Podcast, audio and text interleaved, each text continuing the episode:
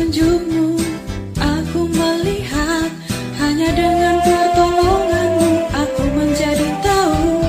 Hanya dengan kekuasaan dan kekuatanmu Aku sanggup untuk terus maju Mendekat kalammu Mendekat kalammu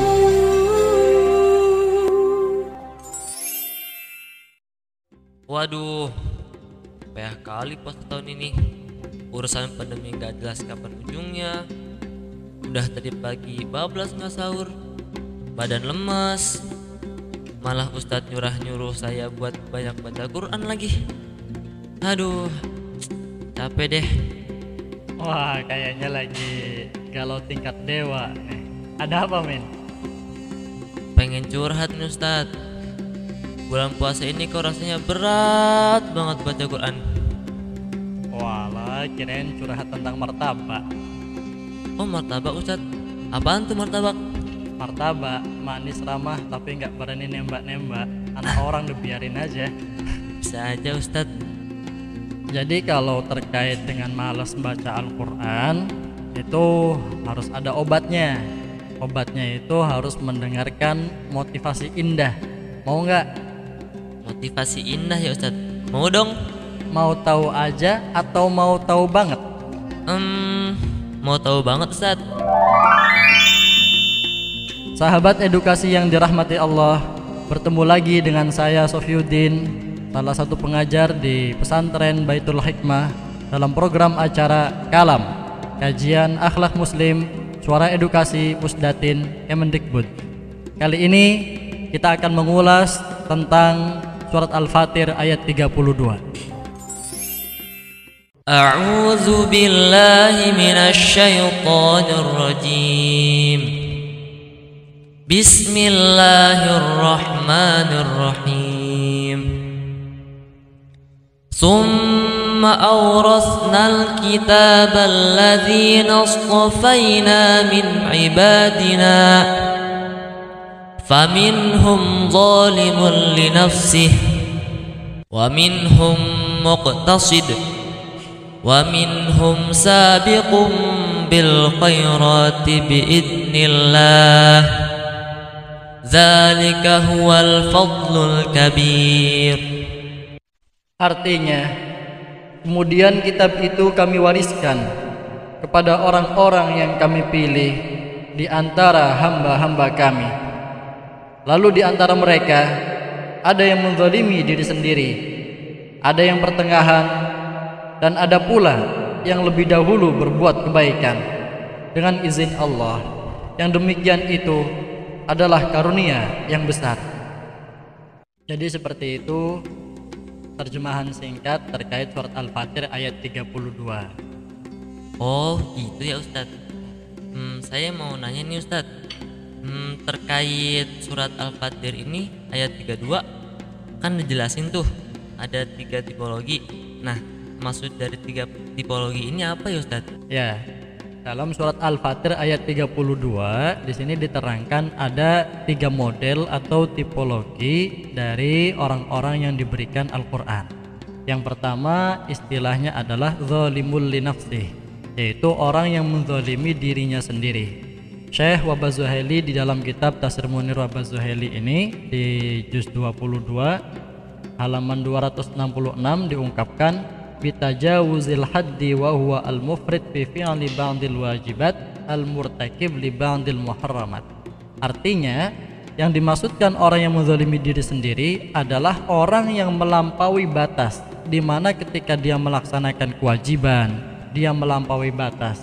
Dia melaksanakan keharaman-keharaman pun kadang dia tidak sadar apa yang dilakukan itu sudah menyentuh aspek-aspek yang diharamkan misalkan dia melaksanakan kewajiban tapi melampaui batas dalam hal sholat. Sholat yang semestinya subuh ditempatkan pada waktunya ternyata bablas sampai jam 9 siang. Karena fikihnya itu nilainya 9 misalkan. Puasa ini juga semestinya berpuasa ternyata dia pagi sudah pegang piring yang diistilahkan itu esok-esok mangga piring Nah itu termasuk yang melaksanakan kewajiban tapi melampaui batas. Kemudian yang kedua ada al-muqtasid yaitu al-mutawassit al-mutaaddi lil wajibat at-tarik lil muharramat lakinnahu qad yatruk ba'dul mustahabbat wa yaf'al ba'dul makruhat yakni orang-orang yang memang tetap melaksanakan kewajiban-kewajiban dan meninggalkan hal yang diharamkan tapi tetap yang namanya manusiawi itu tidak selalu imannya berada pada tingkat tinggi. Sehingga sering kali ada kecolongan misalkan dia tanpa disengaja melakukan hal-hal yang menzolimi dirinya sendiri maka ini dikategorikan umat yang muktasid. Tapi dia sudah berusaha kerja keras yang dia lakukan sekalipun itu kadang tidak sempurna itu sudah mendapatkan nilai yang sangat luar biasa maka diungkapkan dalam Al-Quran sebagai ummatum muqtasidah atau umat yang pertengahan Terus yang sabikum bil khairat ini yang kayak gimana ya Ustaz contohnya? Ya, jadi yang dimaksudkan dengan sabikum bil khairat adalah orang-orang yang berlomba-lomba untuk mendapatkan kebaikan karena dia sudah mengerti betul hakikat daripada kehidupannya itu untuk apa. Nah, di antaranya adalah dia mengerti bahwa kehidupan ini akan bisa menjadi berkah itu pasti karena adanya Al-Quran. Kita bisa melihat nih ya, ini sekedar cerita saja.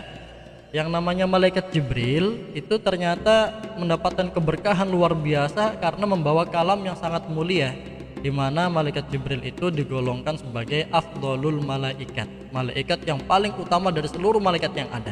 Ketika ada pertanyaan kenapa ini kok bisa menjadi mulia ya karena dia membawa kalam yang berupa Al-Quran itu. Yang kedua ketika Al-Quran itu diturunkan oleh malaikat Jibril kepada Nabi Muhammad secara tadrijian atau secara bertahap ini pun keberkahan Al-Quran senantiasa mengiringi. Buktinya apa? yakni Nabi Muhammad akhirnya terpilih sebagai khairul mursalin sebagai al-bashar lakal bashar sebagai utusan yang paling terbaik. Dan manusia bukan seperti manusia biasanya Al-Quran juga membawa keberkahan kepada umat baginda Rasul ini yaitu sampailah kepada kita yang insya Allah kalau kita mau menerima Al-Quran dan mau melaksanakannya maka konsekuensinya adalah dijamin menjadi kuntum khairu ummah yaitu menjadi umat yang terbaik. Karena tak muru nabil ma'ruf menyuruh kepada kebaikan dan watanhuna 'anil munkar. Nah ketika Al-Quran itu diturunkan pada bulan suci Ramadan pertama kali ya Iqra bismi rabbikal khalaq maka bulan Ramadan itu menjadi bulan yang paling mulia dari seluruh bulan yang ada. Bahkan umat Islam ini kalau mengetahui hakikat bulan Ramadan, maka dia ingin dan meminta kepada Allah agar seluruh bulan itu dijadikan bulan Ramadan. Pasti jawabannya adalah di antara yang paling utama yaitu karena ada keberkahan Al-Qur'an. Bahkan indahnya lagi di saat Al-Qur'an pertama kali diturunkan bertepatan dengan malam Lailatul Qadar, maka satu malam itu lebih baik daripada seribu bulan. Maka ungkapannya adalah khairum min alfi syahr. Lebih baik dari seribu bulan yang ada. Tentu bagi orang yang levelnya ini sudah sabikum bil khairat sudah berlomba-lomba untuk mendapatkan kebaikan bukan tidak mungkin bagi dia untuk terus ingin membaca Al-Quran bahkan selain bulan Ramadan pun diisi dengan Al-Quran ini ada cerita menarik mau denger nggak Boleh tuh Tat. Ya, jadi kemarin itu saya jalan-jalan ke Pontianak di sana. Ada seorang perempuan yang bernama Syarifah Hubabah Anissa. Ini ternyata beliau itu umurnya sudah 105 tahun. Waduh. Nah, ini banyak sekali masyayikh para sesepuh orang-orang hebat datang untuk silaturahmi ke sana. Ternyata beliau itu konon ceritanya sudah hafal Al-Qur'an di usia 5 tahun, bayangkan. Dan lebih hebatnya lagi, ini ternyata beliau istiqomah untuk membaca Al-Quran setiap tiga hari sekali itu hatam 30 juz berarti satu bulan itu sampai 10 kali bayangkan dan dikali sampai 100 tahun lamanya sekarang usianya sudah 105 tahun Masya Allah. Nah, jadi ketika orang itu sudah merasakan betapa indahnya Al-Quran, maka baginya sudah tidak berat lagi. Apalagi kalau disuruh ustadznya suruh baca, nggak malas-malesan. Karena tahu betapa indahnya Al-Quran itu ketika dibaca dan penuh dengan makna kehidupan. Wih, hebat juga ya. Terus eh Syarifah Hibabah ini termasuk tipologi yang mana ya Ustaz dari tipologi yang ini? Ya, Kalau saya melihat dari tiga tipologi itu, insya Allah beliau itu masuk dalam kategori sabiqum bil khairat, yaitu orang yang sudah mengetahui hakikat kehidupannya untuk apa, maka usianya itu semua diisi dengan membaca Al-Quran karena di situlah sumber keberkahan itu. Nah, sekarang kalau saya nih Ustadz, eh, dari tiga golongan ini, saya termasuk yang mana Ustadz? Nah ini kembalikan itu kepada hatimu Kira-kira masuk pada zalimul li nafsi Ataukah masuk pada ummatum muqtasidah itu Apakah memang lebih suka meninggalkan kewajiban Ataukah memang STMJ Sholat terus maksiat jalan Waduh, saya nggak mau Ustadz ya kayak gitu. Nah dengan melihat cerita indah ini Saya pikir cukup untuk menjadi modal kita Semakin semangat mengisi bulan suci Ramadan ini Dengan gemar membaca Al-Quran Oh, gitu ya Ustadz. Hmm, sekarang saya pengen tahu lebih dalam nih Ustadz tentang konsekuensi tiga tipologi ini Ustadz. Boleh dikasih tahu nggak Ustadz gitu penjelasannya? Ya, itu sangat indah sekali pertanyaan berikut ceritanya. Maka saya jawab juga dengan insya Allah jawaban yang indah. Amin. Disebutkan dalam kitab Tafsir Al-Qurtubi tentang konsekuensi dari tiga tipologi ini. Untuk yang pertama, sabiqum bil khairat, dia akan mendapatkan konsekuensi yaitu alladzina yadkhulunal jannah bighairi hisab. Yaitu akan dimasukkan ke dalam surga Allah dengan tanpa hisab. Jadi semua kalaupun ada dosa dimaafkan, sedangkan semua pahalanya dilipat gandakan Masya Allah. dan semuanya ini Allah berikan dan Allah berusaha menempatkan pada jannatu adnin atau surga Aden yang dipersiapkan untuk sabiqum bil khairat. Yang kedua, untuk orang yang ummatum muqtasid atau ummatum muqtasidah yang pertengahan. Ini Allah sudah menyiapkan konsekuensinya yaitu dia tetap akan dihisab tapi hisab yasira dengan hisab yang ringan. Dan insya Allah bagi orang yang mendapatkan hisab yang ringan maka ini pun dengan mudah insya Allah akan masuk surga. Masya Allah.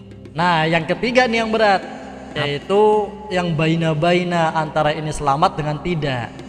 Yang ketiga ini zalimul li nafsih orang yang menzalimi dirinya sendiri. Jadi bukan Allah yang menzalimi diri kita, tapi kitalah yang menzalimi diri kita sendiri. Ini harus menjadi catatan. Oleh karena itu, ini akan mendapatkan konsekuensi, yakni apakah memang dia itu akan ditempatkan di neraka ataukah mendapatkan rahmat Allah sehingga masuk surga. Ini semua adalah iradah dan kudrahnya Allah Subhanahu wa taala. Kalau memang yang datang duluan itu adalah rahmat Allah, maka sekalipun dosanya itu mencakar tujuh lapis langit, itu insya Allah dia akan diampuni. Begitupun andaikan dosanya sampai menyentuh tujuh lapis bumi, kalau memang rahmat Allah yang dahulu datang, maka insya Allah dia akan selamat. Tapi di saat hisab Allah yang adil itu yang datang, maka naudzubillah min dzalik. Alhamdulillah Ustadz, saya jadi semakin paham tentang tiga golongan ini. Mudah-mudahan saya nggak jadi orang yang mendolimi diri sendiri. Amin. Mudah-mudahan apa yang kita niatkan ini diijabah oleh Allah sehingga kita hatinya dimudahkan untuk gemar membaca Al-Qur'an di bulan suci yang penuh dengan keberkahan ini. Amin. Sahabat edukasi yang dirahmati Allah, demikianlah kajian kita pada episode kali ini. Semoga bermanfaat dan semoga hati kita dimudahkan untuk bisa mengisi bulan suci yang penuh dengan keberkahan ini dengan membaca Al-Qur'an. Jangan lupa tetap simak terus radio Suara Edukasi yang akrab dan mencerdaskan pada website suaraedukasi.kemdikbud.co.id atau di aplikasi handphone, TV Edukasi, dan aplikasi Spotify Suara Edukasi Podcast. Cukup sekian, tetap sehat semuanya. Wallahul muwaffiq ila. Wassalamualaikum warahmatullahi wabarakatuh.